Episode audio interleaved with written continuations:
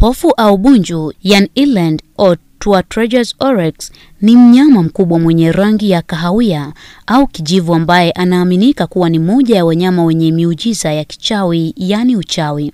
Mnyama huyo ana ngozi ndefu chini ya shingo, ambapo ni kawaida kwa pofu dume mkubwa kuwa na manyigu yaliyojenga au kuweka himaya chini ya ngozi iliyoota chini ya shingo au kwenye pembe.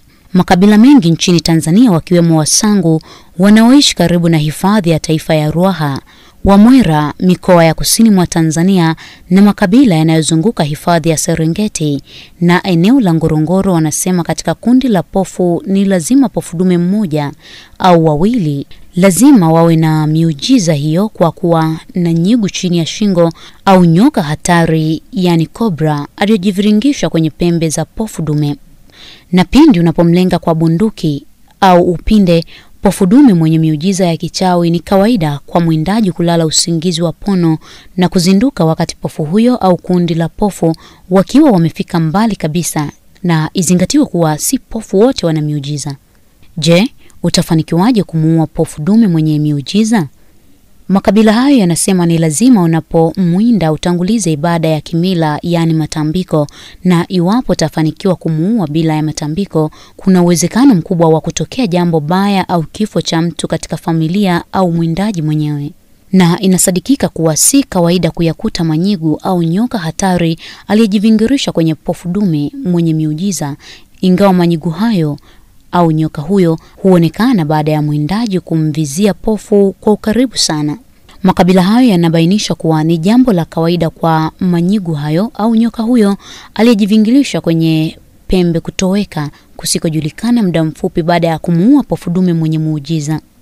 Mnyama huyo anapatikana Afrika Mashariki na kusini mwa Afrika, na pofu mkubwa huwa ana uzito wa kilogramu mia tano hadi mia sita na mara nyingi hupendelea kuishi maeneo ya tambalale na yenye mbuga na vichaka vyenye miti ya maua yaani savana, na kupendelea kula nyasi na majani ya miti nyakati za asubuhi na jioni au nyakati za usiku, na wakati wa mchana hutumia muda mwingi kulala. Wanyama hao hupatikana zaidi katika nchi za Tanzania, Botswana, Burundi, DRC, Ethiopia, Kenya, Lesotho, Malawi, Msumbiji, Namibia, Rwanda, Afrika Kusini na Sudani Kusini, na si kawaida sana kuwakuta katika nchi za Burundi na Angola.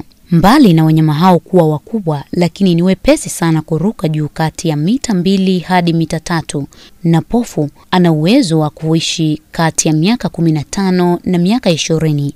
Ni moja ya wanyama wenye nguvu sana kutokana na kuwa na miguu yenye misuli imara ambayo humwezesha kupambana na maadui na kushinda akiwemo simba.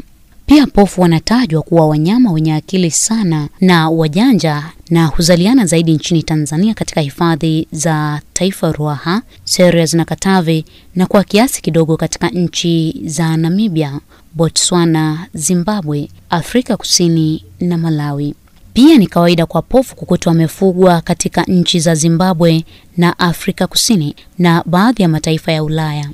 Taarifa hii imesimuliwa kwako nami Martha Sambo wa Mbeya Yetu Online.